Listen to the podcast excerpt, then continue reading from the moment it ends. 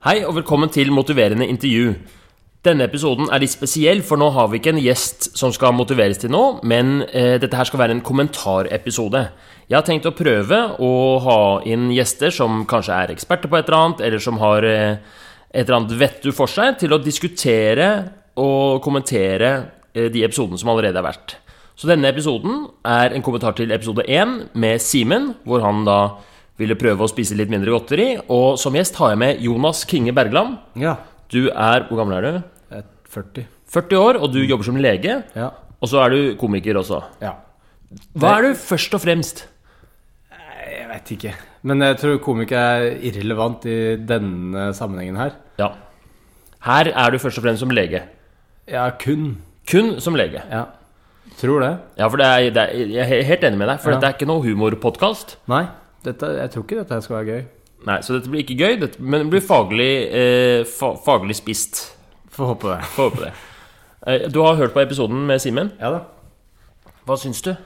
Nei, det var jo veldig sånn konstruktiv eh, og eh, Hva skal jeg si um, En samtale som uh, var uh, Ja, den var, den var veldig sånn oppbyggende med tanke på hans motivasjon rundt det å slutte å spise for mye godteri da, og potetgull. Ja, Det var jo det. Ja, det, var ja, det er ikke så mye mer å si enn det. har du, har du hatt sånne når du har jobba på fastlegekontor, at du har uh, hatt pasienter hvor du har prøvd å, å hjelpe folk å spise sunnere? Uh, ja, men altså Det som er uh, forskjellen da fra en fastlegehverdag og en, eh, en sånn runde du gjør med motiverende intervju på den måten du gjør, som du har vist i, i podkasten, er jo tidsramma. For at på et fastlegekontor så har man stort sett 20 minutter. Og hvis man skal gjøre veldig grundig eh, metodikk rundt et motiverende intervju, så får man ikke gjort det bra nok på 20 minutter. Jeg føler i hvert fall ikke det. Og uh, veldig mange pasienter uh, kommer jo med flere ting. Og det er litt vanskelig å si nei innimellom, selv om man øh, egentlig Det er mange som har sånn policy på at man bare sier sånn Nei, du får bare ta en ting, og så må du bestille en ny time og sånn. Det er litt sånn hardcore på det. Men um, det blir ofte litt sånn utenomprat og sånne ting. Så på en måte den selve indrefileten på å drive med holdningsendringer og motivasjon, det kan plutselig kokes ned til fire-fem minutter, ikke sant. Og så har du da eh, I hvert fall vist her da, i podkasten at du bruker jo fort 40 minutter da, Ja. på å eh, gå gjennom alle disse tingene, og du går jo veldig nøye til verks. Man skal ta alle detaljer med i, eh, i den der eh, innledende fasen. Og så skal man jo da gå videre på de forskjellige elementene. ikke sant? Hva er det som er utfordringen, og hva er det som egentlig hindrer deg, og alt, eh, alt det greiene der. sånn da, For å på en måte bygge opp resonnementet for pasienten i pasientens eget hode. For det er jo det man gjør litt. Ved å bare, egentlig bare være enig og Ja. sitte der og si sånn Ja, ja, ja. Mm, jeg skjønner at det er vanskelig, men kunne du tenke deg å gjøre det annerledes? Så skjer jo det meste i pasienten. Det er ikke du som sier 'du må gjøre det'. Nei, Det er jo hele poenget ikke sant, Ja. med motiverende intervju. Det, Ja. Og det, jeg tror du har rett at det, det tar ikke fem minutter. da Nei, det tar, gjør ikke det. Det er en, en rute som må gås. Mm. Sånn at man øh, i min fastlegehverdag, da, så, eh, for jeg jobber som fastlege, så øh, gjør man jo elementer av den teknikken, men eh, man bruker det ikke så grundig da, som, som det du eh, viser i, i podkasten. Så man kan jo si sånn Ja, ok, du ønsker å slutte å røyke, f.eks. da. Hvor mye røyker du? Sånn sånn. Ja, ok, hvor lenge har du gjort det? Og så eh, hva ønsker du å få ut av å slutte? Og så kan du bare være enig i ting. Du sier ikke sånn der Ja, har du tenkt på at du får hjerte-karsykdommer og slag og fighter og sånne ting? Du går liksom ikke rett For det dit, unngår du å si. Ja, jeg sier sånn eh, Ja, eh, hva, hvordan ser du for deg at eh, man skal prøve å slutte, f.eks.? Så det er på en måte pasienten som gjør mye av grunntenkninga, da. Altså jeg, man bare leder litt. Men så kommer jeg også med forslag som på en måte bryter litt med motiverende intervjumodellen. At jeg kommer med forslag til F.eks. å bruke et medikament da, for å dempe abstinensen, f.eks. For eksempel. Eh, fordi at jeg er sponset av legemiddelindustrien og tjener masse penger på å anbefale sånne ting. Det, Nå er du komiker, Ja, nå, det var gøy. Ja, Du lo litt. jeg lo litt. Ja.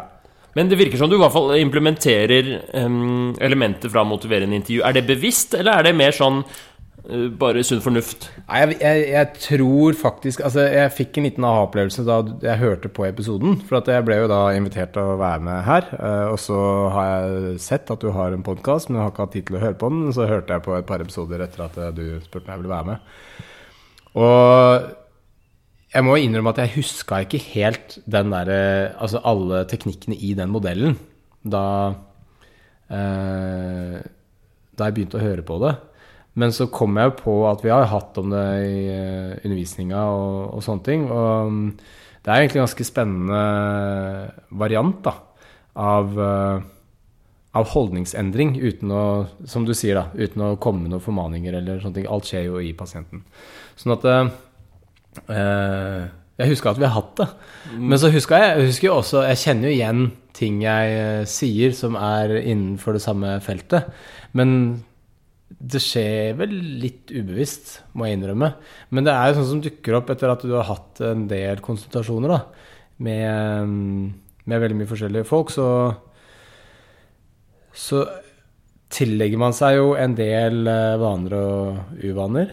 Og mm, så håper man jo at de er litt eh, funksjonelle, da. Men eh, eh, det går litt på sånn ja, som du sier, sunn fornuft, og litt på sånn personkjemi også, egentlig. Altså hvis du Man prøver å komme i kontakt med pasienten, da. Og være i um, en god dialog. Og da bruker man jo også litt sånne type teknikker. ikke sant? At du er veldig inkluderende og det er sånn ja og-holdning. Og Ja. ikke, ikke noe sånn Du stopper dem ikke på noe vis. Så for å skape den relasjonen, så, så fungerer jo de motiverende intervjuteknikkene veldig godt. Så man merker jo at man bruker de, selv om man ikke tenker sånn Å, nå skal jeg bruke intervju, motiverende intervju. Dette blir så rått. Ja, Du, tar ikke, du har ikke motiverende intervjuboka og slår opp Nei. og Det er ikke sånn Jeg setter stoppeklokka på, på det. Det syns jeg også er interessant med, med motiverende intervju. At noen av de tingene er sånn helt åpenbart at du Eller virker åpenbart at du kommer liksom ikke noen vei med å gå i krangel med pasienten med en gang, eller begynne å, å, å, dømme og si sånn Du er et dårlig menneske fordi du spiser godteri eller Ja, er røyker. Da, men noen av de tingene som eh, som, som motiverende intervjulærere er jo litt sånn ikke-intuitive, da. Sånn som det med at man skal være litt tilbakeholden med å gi råd, f.eks. Ja. Um, nå er det jo en litt Når du er ekspert, da, eh, eller du har en slags sånn legerolle, så gir det jo veldig mening å gi eh, et godt råd om f.eks. å bruke et medikament som eh, også har dokumentert effekt på mot røykeslutt, f.eks. Ja. Men, men jeg tror det er et eller annet lurt i det som motiverer intervju lærer, at for at endringen skal være motivert, så må man eh, liksom komme til det selv, da. Ja da, man, eh, altså, man skal komme på løsningene selv. Og man skal komme med forslag til løsninger, og man skal Alt skal på en måte være drevet eh, eh, i form av at du legger til rette for en løype som pasienten går sjøl, og kommer på alle, alle løsningene. Eh, ved å stille spørsmål, egentlig, og ikke komme med noen svar.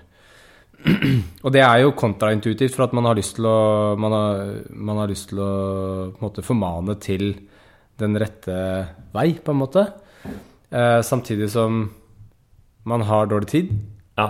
så da blir det til at du kommer til å gjøre det. ja det der, den der tidsbegrensninga tror jeg gjør det så vanskelig å liksom øh, Og det kanskje gjør at det, siden motiverende intervju er vanskelig å gjennomføre på ti minutter, så er det kanskje bedre å ikke gjøre det, heller, heller gi noen, øh, noen råd, da. Men jeg merka det selv hvor, liksom, hvor innebygd det er i meg som person, og sikkert alle, liksom, at når du, når du føler at du har en god idé som du vil komme gjesten eller pasienten til gode, så er det så Ja. fordi jeg hadde, et, jeg hadde et intervju for to dager siden eh, med en som eh, Eller var det i går? Som, med en som skulle Det er i hvert fall viktig å finne ut av det. Sett på pause, så finner du ut om det var i dag eller i går. Nei, men i hvert fall en som skulle Det ligger ute, det er episode seks, med Anders som ville slutte å snuse. Ja.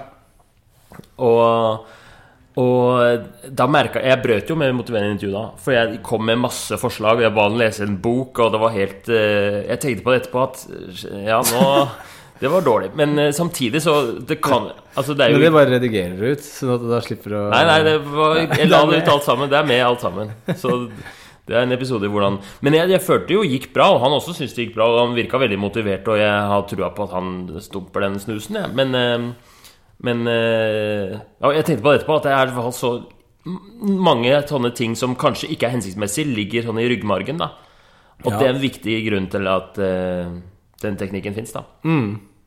Skal vi snakke om noe annet? Det kan vi godt. Eh, hvor, hvor vanskelig er det å få til kostholdsendringer, sånn som Simen prøvde på?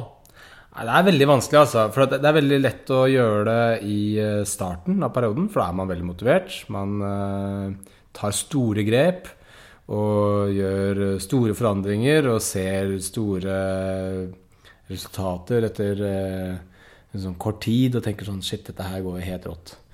Og så er det veldig slitsomt å opprettholde store endringer over tid. Så man går gradvis tilbake til gamle synder, og så etter eh, i snitt sånn to år etter at du begynte å gjøre endringene, så er du tilbake i det mønsteret du eh, hadde opparbeida deg. Eh, Så veldig mange som ønsker å gå ned i vekt eller endre på vaner, da, gjør lurt i å endre på små ting av gangen. Eh, Og innarbeide den nye livsstilen som en vane som er normaliteten. Fordi at eh, å gjøre en hoppe til en ny normalitet som er dramatisk endra fra den du hadde i utgangspunktet, det er veldig få som klarer. Så, ehm, så mine liksom, tips er alltid å gi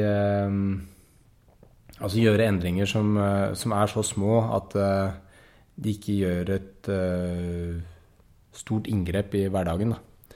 Sånn at det liksom ikke tar så mye plass. Fordi at uh, ja, de aller fleste mennesker som går ned mye vekt, f.eks., de går som regel tilbake igjen i den, eh, den vektklassen de var i. Fordi at de gikk for fort ned i vekt. Så hvis man gjør for mye for tidlig, så blir det sånn jojo-vekt, og så Mm. Hva tenker du om det endringene til Simen? At han, han, han tok vel og fjerna godteri eh, fire-fem dager i uka, og så beholdt han det i helgen. Mm. Ble, du, Men var det fortsatt et litt for stor endring? For brå, liksom? Eller hva, hva tenker du om det? Nei, jeg, jeg tenker jo at det, det å ha en sånn bonus uh, til helga da, som du kan se fram til, gjør det på en måte levelig med de hverdagene. Fordi at da har du eh, en normalitet eh, innen rimelig tid, da. Så du slipper å på en måte kveste deg sjøl helt. Um, så jeg syns det virka som en god løsning. Så får man jo se da man klarer å opprettholde det. Liksom, for det som skjer, er at det begynner å flyte ut i kanten. ikke sant? At sånn der, ja, ok, Helga blir plutselig veldig oval. da. Sånn der, ja, men Vi klarte ikke å spise opp hele den potetgullposen på søndag. Og mandag er veldig nære søndagen, og den er halv, den posen, så vi må bli ferdig med den. liksom. Så har vi, ok, så kan vi handle på onsdag, og torsdag ligner på fredag. Så da så er det plutselig bare to dager da du ikke spiser eh, noe snop, liksom. Men man må jo sette det inn i en eh, praktisk ramme og se er, hvorfor gjør du det. det er, er det for å se bedre ut? Er det for å få bedre helse? Er det for eh, økonomien? Eh, er det for å implisere gode holdninger på barna sine? Altså sånn eh, Det må ha en funksjon, da. Ellers er det jo bare selvpining, ikke sant? Uten noe særlig stort poeng. Sånn at eh, Stort sett så er det jo helse som skal være det bærende elementet, tenker jeg. Altså at man unngår eh, livsstilssykdommer på sikt. Så mm, eh, Og da må man ta utgangspunkt i hva er helsesituasjonen fra før. Eh, har man høyt kolesterol? Har man eh, en eh, stillesittende livsstil? Har man eh, arvelighet i familien? Sånne ting. Må inn i inn i hele regnestykket. Og så kan man jo avgjøre hvor viktig det er å kvitte seg med uvaner, da, som, som virker inn på de faktorene. Ja, for det var litt interessant med Simen. synes jeg. Han hadde jo en ganske sånn blanda motivasjon til hvorfor han ville spise sunnere. Det var et eller annet med Jeg tror for han så var det litt sånn ja, En ting var helsegreiene, men han var jo ikke, han var jo ikke overvektig. Han, øh, nå har jo ikke du sett han, da, men han Nei. var overhodet Ingen som kunne tenkt sånn Her er det en som burde Skjerpe seg? Nei, ikke i det hele tatt. Nei. Han har, øh, sånn jeg forstår det, ingen helseproblemer knytta til maten. Så det var mer en sånn derre Jeg tror han hadde lyst til å føle seg litt mer disiplinert. Eh, og så var det også det med barna, da, at han ville jo være et godt eksempel for de. Men, men det ble, ofte er det jo sånn blanda Drømmepasienten for et motiverende intervju er jo en som liksom har, har drithøyt kolesterol, ikke sant? så du bare sånn Han må jo endre. Men for de aller fleste av oss så er det jo et, egentlig et sånt ganske eh, Et valg som ikke er så veldig tungt på ene siden. Da. Det hadde jo kanskje vært bedre å spise sunn, litt sunnere, men man får det ikke så Eller hvor, hvor viktig er det for en fyr som er 30 år, og som kanskje veier 3 kilo mer enn han vil, da, å gjøre endringer på, på maten? Ikke så veldig viktig. Det kommer jo igjen an på arvelighet i familien, ikke sant? kolesterol og alt mulig sånt men eh, Jeg tror altså veldig mange har et litt sånn eh, kunstig opphøyd bilde av askese som et ideal. At man skal være Man skal forsake ting, og man skal eh, ikke tillate seg eh, fristelser og, og nytelser, på en måte. Så Eh, så må man spørre seg hvorfor, hvorfor syns man det er en hvorfor, har du, hvorfor har du gjort en seier hvis du klarer å stå imot fristelser? Er det pga. helse, eller er det fordi at det er et ideal i seg selv å stå imot fristelser? Så hvis det er motivasjonen, så skjønner jeg ikke poenget. Da må det jo bare være liksom sånn en form for selvpining som, eh, som, hvor du bare viser kontroll for omgivelsene. Som eh, egentlig ikke har noe særlig funksjon, da. Annet enn at du får en eh, mestringsfølelse av å si nei til eh, godteri eller snus. Ja. Mestringsfølelser er jo eh, viktig, det òg, da. Absolutt, men eh, til hvilken nytte? Til hvilken nytte. Hvis, du, hvis du sier nei til ting du liker, da.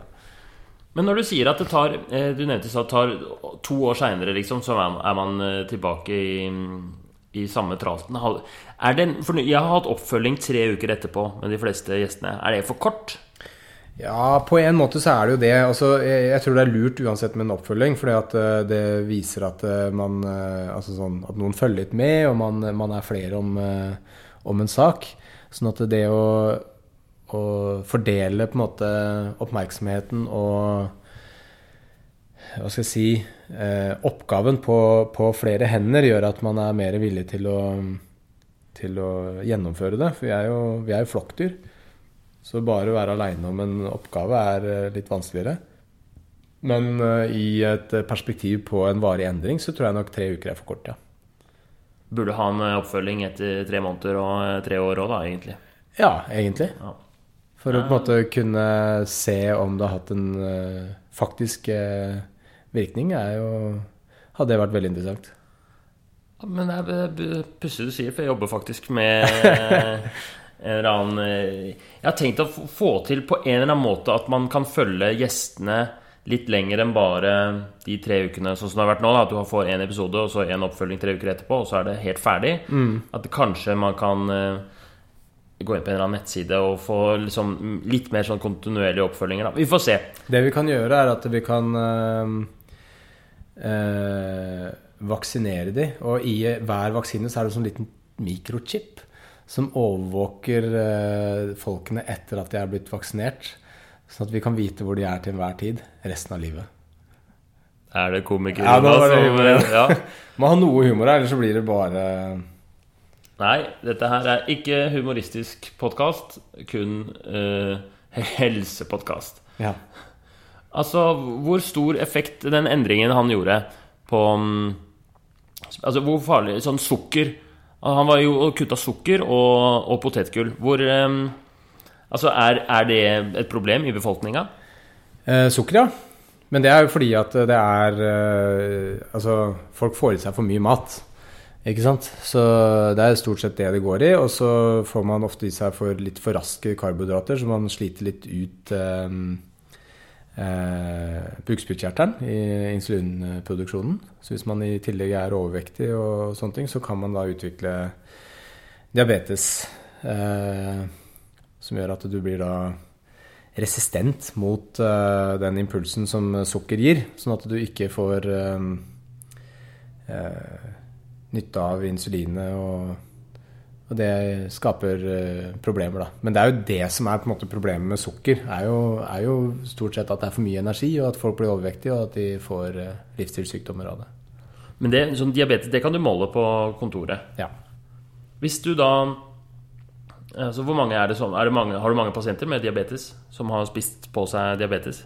Ja, altså nå har ikke jeg fulgt Jeg har jobba på det kontoret jeg er i fem år, så øh, jeg har vel um, ikke fulgt noen som på en måte har utvikla diabetes underveis. da. Jeg, de har jo på en måte hatt det fra før jeg begynte å jobbe der. Ja. Men det er nok noen, ja, som, som har pådratt seg diabetes ved å spise for mye. Så det kan hende at hvis Simen Hvis han hadde fortsatt sånn som han gjorde, og spist masse potetgull og godteri, så kunne han utvikla diabetes, men ved å holde det til helga, ja. så slipper han unna det? Det kan tenkes, ja. Hvis han er disponert for det og, øh, og klarer å opprettholde en endring, så kan det tenkes at han eh, rett og slett eh, selv klarer å unngå å få en ganske alvorlig sykdom. da. Men altså Det er jo bra, da. Og da tenker jeg det er jo en positiv ting. Og da må det jo være bra at Simen eh, klarte å, å en, gjøre en sånn endring. I hvert fall etter tre uker. Mm. Men på den andre side så har du, så har du jo sånn eh, Tror du den episoden, eller den podkasten For det tenkte jeg litt på. Tror du den kan ha bidratt på den andre siden til kroppspress og til at, man blir sånn, at det blir stress? Altså alle ting som på en måte peker i en retning hvor den ekstreme konsekvensen av den retningen er nettopp eh, kroppspress og eh, spisevegringer og sånne ting. Selvfølgelig kan det det. Det er jo risikoen ved alle mulige eh, ting. Så man skal, man skal, på en måte være forsiktig med å eh, med å tro at det du sier og gjør, er så virkningsfullt at det skal føre folk ut i en sånn ulykke, da. Men Ja, altså alt med måte. Men Uh, ja, uh, altså risikoen er der faktisk på at noen uh, tar det så alvorlig og blir helt sånn nevrotiske på, på, det der. Og får problemer med spising. Ja. Ok, så Så det kan tenkes ja. at du har ødelagt veldig mye før. ja, men det håper jeg ikke, da. Men for, Hvorfor gråter du?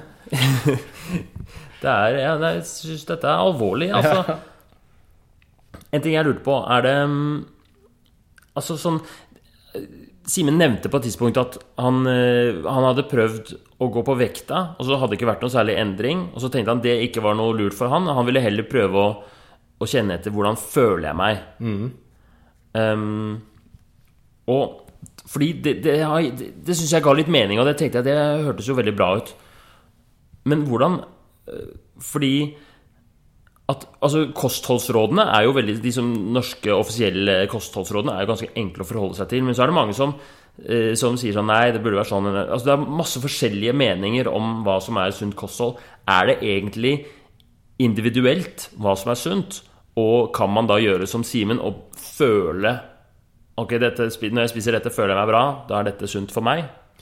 Til en viss grad. Altså, man skal jo uh, ikke på en måte uh, igjen bruke så mye tid på kosthold at det blir en egen uh, altså sånn liten demon i hverdagen. da, Med mindre man har et problem som man må, man må ta tak i. nå er det jo veldig mye sånne kostholdsguruer ute og går som forfekter forskjellige syn rundt dette med ja, prosessert mat og tilsetningsstoffer og eh, om det skal være økologisk eller uøkologisk altså alt eh, Folk har veldig sterke meninger om det og tillegger forskjellige sykdommer eh, Altså tillegger kostholdet skylda da, for eh, en del sånn livsstilssykdommer og sånne ting. Og stort sett så er det veldig mye overtolkning i den, eh, den bransjen der. Det er mange som, eh, som mener at hvis ikke du spiser eh, sånn og sånn, så, så får du Det er derfor du får Jeg vet ikke, altså alle mulige depresjoner og tjo og hei, liksom. Og det er en Det er en ganske sånn hva skal jeg si, vågal påstand da, i et eh, landskap som er litt sånn uoversiktlig rent sånn forskningsmessig. Og eh, så stort sett så det å følge de her kostrådene er eh, Da holder man seg fint innafor. Eh, og så må man huske på det at man er ikke så skjøre som eh, veldig mange kostholdseksperter vil ha til. At vi må spise sånn og sånn, ellers så går alt ruk til helvete. Vi er omtrent som rotter. Er- Vi kan spise nesten hva som helst. Bare vi spiser i begrensa mengder, så går det ganske fint. Ja. Ok, men da, eh, da er jeg fornøyd, da, for da kan jeg spise Altså litt variert, følge de der eh, Altså Simen kunne spist bare sjokolade og potetgull hele tiden. Kun det, med bare bitte litt grønnsaker ved siden av. Bare han spist lite nok, så hadde det gått bra. Ja. Han hadde antageligvis fått en del eh, høyere kolesterol og litt sånne ting, men han hadde ikke nødvendigvis gått opp i vekt. Det er at det er man spiser for mye. Ikke sant? Man spiser et vanlig kosthold, og så spiser han eh, det snopet oppå toppen av det hele. Og da blir det for energirik, eh, energirikt kosthold. Du får feil eh, fettbalanse, og du får eh, feil kolesterolbalanse, og Ja. du får eh, eh, en vektøkning, da. ja, ikke sant, for du har, du har Du har spist middag, du er mett, men så har du ekstra dessertmage. Ja. Og så er det, det den magen der som lager problemer, liksom. Holdningen for veldig mange er at de skal spise seg stappmett til hvert måltid. Ja. Og i hvert fall middag. Og så skal man liksom Du er sliten etter middagen, og så Ja. kliner du på med dessert. Og så skal du ha en liten aperitiff eller et eller annet etter det. ikke sant? Ja. Og du drikker kanskje brus eller alkohol ved siden av, som også er mye kalorier. Så man får jo i seg veldig mye. Det er jo det som er uh, hovedproblemet her, ikke at maten er feil. Ok, nå vil jeg skifte tema litt igjen. Ja, Fordi eh, For nå har vi havna inn på mm, eh, Handla mye om helse. Det er naturlig, du er lege, jeg er også lege, og vi har hatt en episode som handla om kostholdsendringer og sånt noe. Men eh, det går opp for meg nå som vi snakker om det, at eh, Du er usikker på din egen seksualitet. eh, Det var feil. Det var feil. Ja. Det var ikke det som gikk opp for meg. Men at Ikke det at du ikke er en kjekk fyr, eh, Jonas. Du, jeg prøver så godt jeg kan. Ja. Men eh, det som I en sånn Altså, den podkasten min handler jo om motivasjon, ikke sant? Og eh, jeg tror at en grunn til at det ikke Sånn som når jeg snakka med Simen, så kom jeg aldri med noe egentlig kostholds... Altså, jeg kom ikke med noen påstander, og vi snakka veldig lite om hva som var helse Uh, at, Altså, jeg kom ikke med Men du noe sånn snakka veldig lite om eh, konsekvensene av de forskjellige valgene han tok, ja. Ja. Det var bare, ja, det var bare motivasjonen. Han hadde definert selv hva som var problemet. Ja.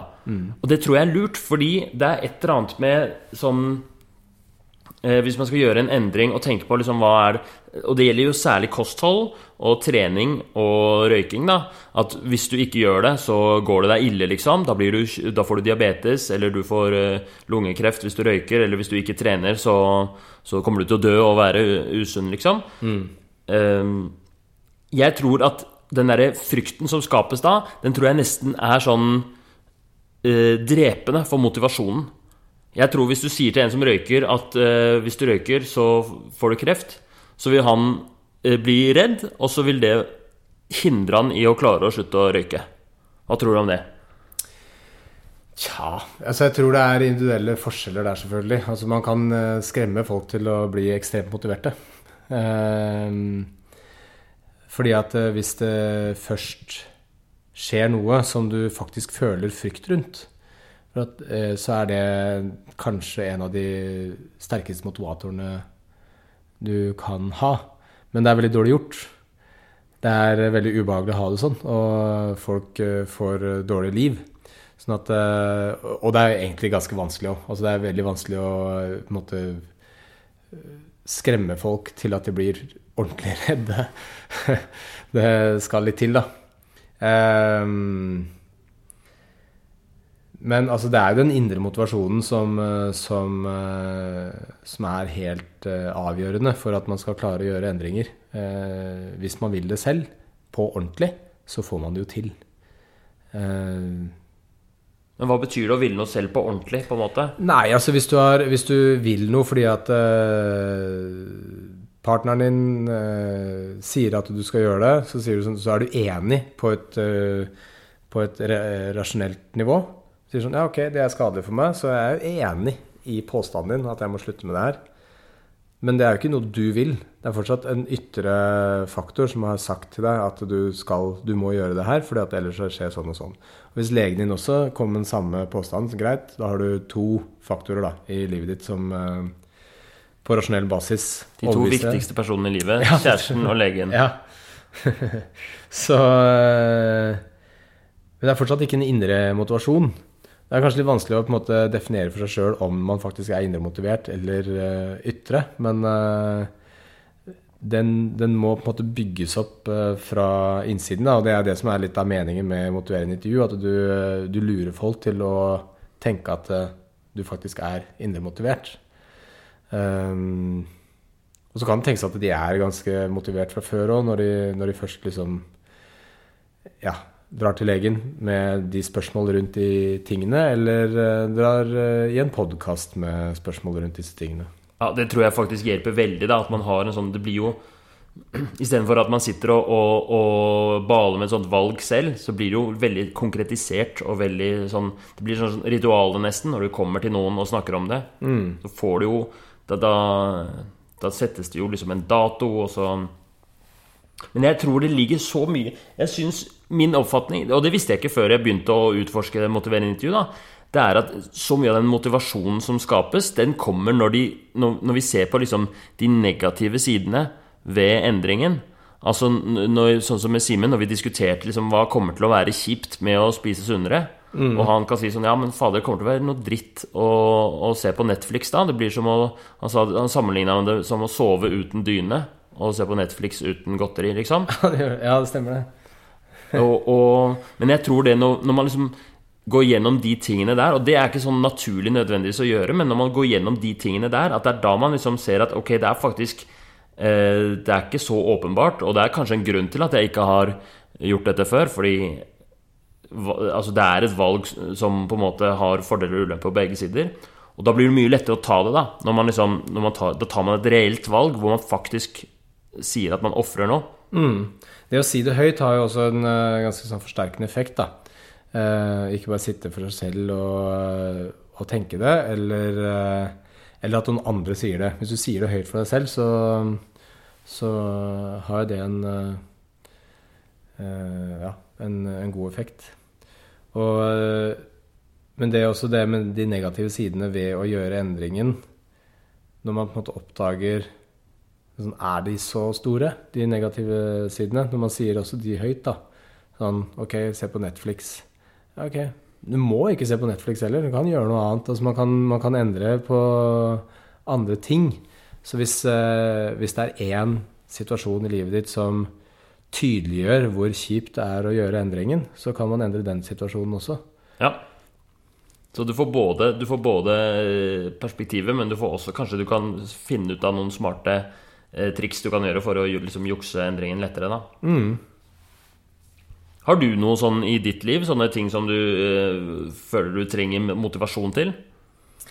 Du virker som en fyr som får til så mye. da At du både har show med utsolgte show over hele landet, og du jobber som lege og Ja, jeg har, jeg har um, Noen ganger så er jeg sånn uh, hvor jeg må liksom ta meg sjøl i nakken og Og måtte stå gjennom en, eh, en form for um, lidelse, da, for å oppnå det jeg vil. F.eks. Uh, før uh, premierer og sånne ting i ganske lange perioder, så er jeg ganske asosial og uh, ikke med på fest og sånne ting. For at jeg vet at det skaper en Altså man blir slappere av det. Så jeg må være litt mer sånn på alerten og mer fokusert. Så drikker jeg f.eks. ikke alkohol eller er ikke med på ting som gjør at jeg eh, sover lenge om morgenen eller eh, sånne ting. Da. Sånn at jeg er liksom sånn Kjører sånn her soldatregime. og det koster jo litt, da. Å si nei til ting og være med på ting og sånn. Ja, For da får du invitasjon til fest, og så har du lyst til å dra på den festen, men så sier du nei fordi da du skal skrive vitser i morgen. Ja. Eller jeg drar på festen og er der i to timer når folk begynner å bli fulle, og så drar jeg hjem. Ja. Men da vil du helst være der, men du, da må du liksom Da, må du, da, da har du hatt en eller annen prat med deg sjæl, da? Eller har du liksom Ja, det er jo Ja, jeg har liksom det. Altså, ok, det har satt meg noen regler som jeg må forholde meg til. Og så, så er det de eh, Det er det lovverket jeg må leve etter da, i den perioden. Og så er bonusen desto større hvis ting går bra, når jeg liksom får til det jeg prøver på.